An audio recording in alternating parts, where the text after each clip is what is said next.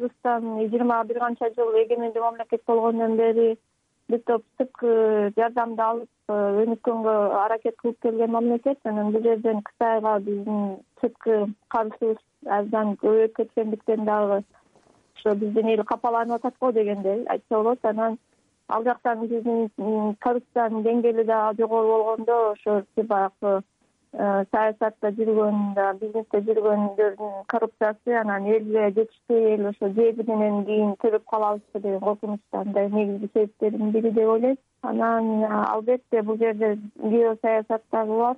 Анан э, ички бул жакта этно националдык маанайда жүргөн күчтөрдү дагы ошо сырткы күчтөр колдонушу мүмкүн анан кытайдын өзүнөн дагы кеткен себептер бар. Албетте кытай дагы эми жөн эле бере бербейт кредит болобу грант болобу аларды көрүп атасыздар алып келгенде биякта кытайлык э, рабочийлер иштейт э, көбүнчөсү өзүнө эле кайра кетет да. Ошо биздин алган карыз акчабыз кытайлыктарга эле кетет анан бул жактан бул дүйнө жүзүндө колдонуп келген практикасы кытайдын көбүнчөсү токсон тогуз пайыз мамлекет иштегенде ушундай модель менен иштейт анан баарын ошо эске алганда баягы жыйырма бир канча жылдан бери муну көрүп келип анан акыркы себеби мүмкүн могу шинжян уйгур автономный округда болуп аткан дагы процесстер албетте ушуга катуу түрткү болду деген ойдобуз анткени аякта билесиздер биздин ошо кыргыз казак уйгур тектүү бизге жакыныраак келген мусулмандар жашайт анан ал жерде жаңы этно конституциональный саясат жүргүзүп атпайбы жаңы губернатор келип субардачы анан ошол дагы абдан чоң эмес ролду ойноп атат. Ушунун баары комплекстүү келгенде ушундай бир азыр жагдайга алып келип атат. Анан биздин ички саясатта дагы өйдөлдөй болуп ички күчтөр дагы бири бири менен келише албай атканын билебиз. Ошондуктан ушундай болуп атат го чынара мына сиз азыр негизги э, бир себептерин айтып кеттиңиз. Мына ошондо кыргыз мамлекетин карасак кыргыз бийлиги бир жагынан өлкөнүн ичиндеги протесттерге экинчи жагынан ушул бир геосаясий маселеге байланып калды да. Ошол эле кытайдан алынган насыялар инвестиция акча кытай менен жакшы достук коңшулук мамиледе болуу деген стратегиялар э, бар да. Мындай чиелешкен жагдайда мамлекеттин саясаты кандай болуш керек ооба туура айтасыз жакшылыккабы жамандыккабы дайыма ошо ички факторлор менен сырткы факторлор байланышканда ушундай бирдемелер болот же катуу жылыш өнүгүү же болбосо дагы дестабилизация болуп жанагы революция деп коебуз го ошондой мындай көтөрүлүштөр болушу мүмкүн. Ошол үчүн э, дайыма ошо эки факторлордун байланышы менен бир натыйжалар болот да анан бул жерде менимче азырынча эң биринчи баягы өзүңөн башташ керек дегендейчи адам баласы өнүгөм десе ошондой эле мамлекет же коом өнүгөм десе биринчи биз биринчи өзүбүз ичибизде болуп аткан маселелерди карашыбыз керек.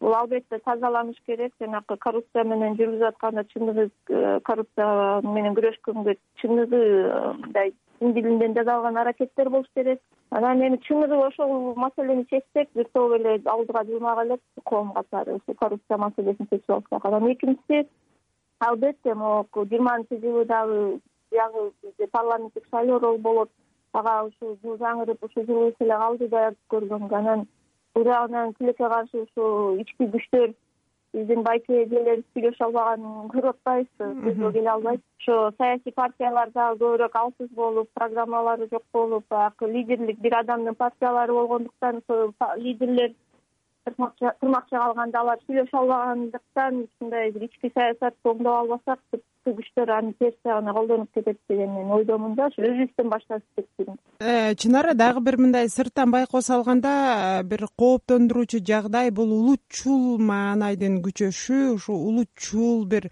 чакырыктардын айтылышы болду да. Кризис жаралгандай кырдаалда ушул улутчул күчтөрдү улутчул маанайды күчөтпөш үчүн эмне кылыш керек? Анткени күчтүүбү алсызбы кандай өлкө болбосун улутчул күчтөр булар коркунуч экенин эми европа көрсөттү. Башка дүйнөнүн башка өлкөлөрү да көрсөттү да? Абдан туура жакшы суроо болду титульный нация деген принцип менен пайда болгон мамлекеттербиз да. Анткени баягы советский союздун кезинде административдик республикалар болуп жүрдүк эле андан кийин эле эгемендүү мамлекет болуп калып анан кыргызстан кыргызстан кыргыздар үчүн казакстан казак үчүн деген бир логика менен дагы мындай баштадык да жолубузду башында. Анан бирок ошо жыйырма жылдын ичинде бир жарандык э, иденттүүлүктү жаратыш үчүн же баарыбыз ушу күнүбүз кайсы чектен болбой элек улутубуз этникалык жагыбыз э, биз кыргызстандын жараныбыз кыргыз республикасынын жараныбыз дегенге эми эми келип эле менин билишимче эми ошонун үстүндө концепцияларды иштеп чыгып мындай жасаганга аракет кылып атат. Азыркы саясий система саясий күчтөр бийликтеги бирок кичине кечиндеп калдыбы деген ой болуп атат. Анткени албетте могу дүйнөлүк процесстер жөнөтүп атканда эми баягы терс жагын көбүрөөк көрүп анан кыргыздар биз баягы дин жагын дин процесстери да болгон үчүн ушу Э, мындай улуттук өзүң ким деген суроого жооп бергиси келип анан жаштарга дагы үлгү бололук деп баягы ура патриоттор кичине катуураак иштеп коюп атат аягы абдан терс болоорун биз баарыбыз түшүнүшүбүз керек. Бирок ошол эле замат улутчул эмес. Могу цивилизационный жана жарандык жака алып кете турган туура жака алып кете турган күчтөрүндүн да алсыздыгы болуп атат да. Алардын керек болсо жоктугу болуп атат менин оюмча. Ошо жаңыча модернизация коом модернизация болуш үчүн ошонун күчтөрүнүн үнү аз болуп абдан угулбай атат да. Ошондуктан коркунуч абдан эле күчтүү туура айтасыз кытай бул кыргызстандын жакын күчтүү коңшусу кытайдын таасири борбор азия деги эле дүйнөдө артып баратат. Мына кыргызстан кытай мамилеси кандай болуш керек? Эмнеге көңүл бөлүшүбүз керек? Мына ушул азыркы кырдаалды эске алганда. Эң биринчиден биз деген ошо кытайлыктардын жана инвесторлору келгенде ошо кайсы инвестор болбосун? Бирок өзгөчө сексен пайызга жакын инвестиция азыр кытайдан эле болуп атат. Ал жагына келгенде ошо инвесторлордун укуктарын аларга шарттап бергенге чын эле биз иштешибиз керек. Ал биздин укук коргоо органдарынын иши менен ал ошо тиги жана правопорядокко эме деп коет го ошол жагын караш керек да. Анткени алар анда эч кандай инвестиция бизди айланып деле өтүшү мүмкүн кытай. Аны биз жакшы эле билебиз. Казакстан аркылуу же напрямую кандайдыр садиктер менен байланышып дегендей э, биз ошо чекте калышыбыз мүмкүн да баягы кытайдын мүмкүнчүлүгү менен колдонбойбуз анан ал үчүн эң негизги ичибизде ошол бир кандайдыр тартипти орнотконго аракет кылышыбыз керек. Анын ичинде ошо кытай инвесторлорун коргоо да. Бирок ошол эле замат жанакы келишимдерге кол коюлуп атканда ошо биздин э, эмгектене турган инженерлер болобу же кара күч болобу ошо кыргыз жарандарын тартканга аракет кылып мунун баары жанакы мисалы деп коет жана переговор сүйлөшүүлөр өтүп атканда ошол ичинде биздин дипломаттар биздин саясатчылар күчтүүрөөк болсо аны деле жасаса болот ал практика көрсөтүп атат кытайлар менен.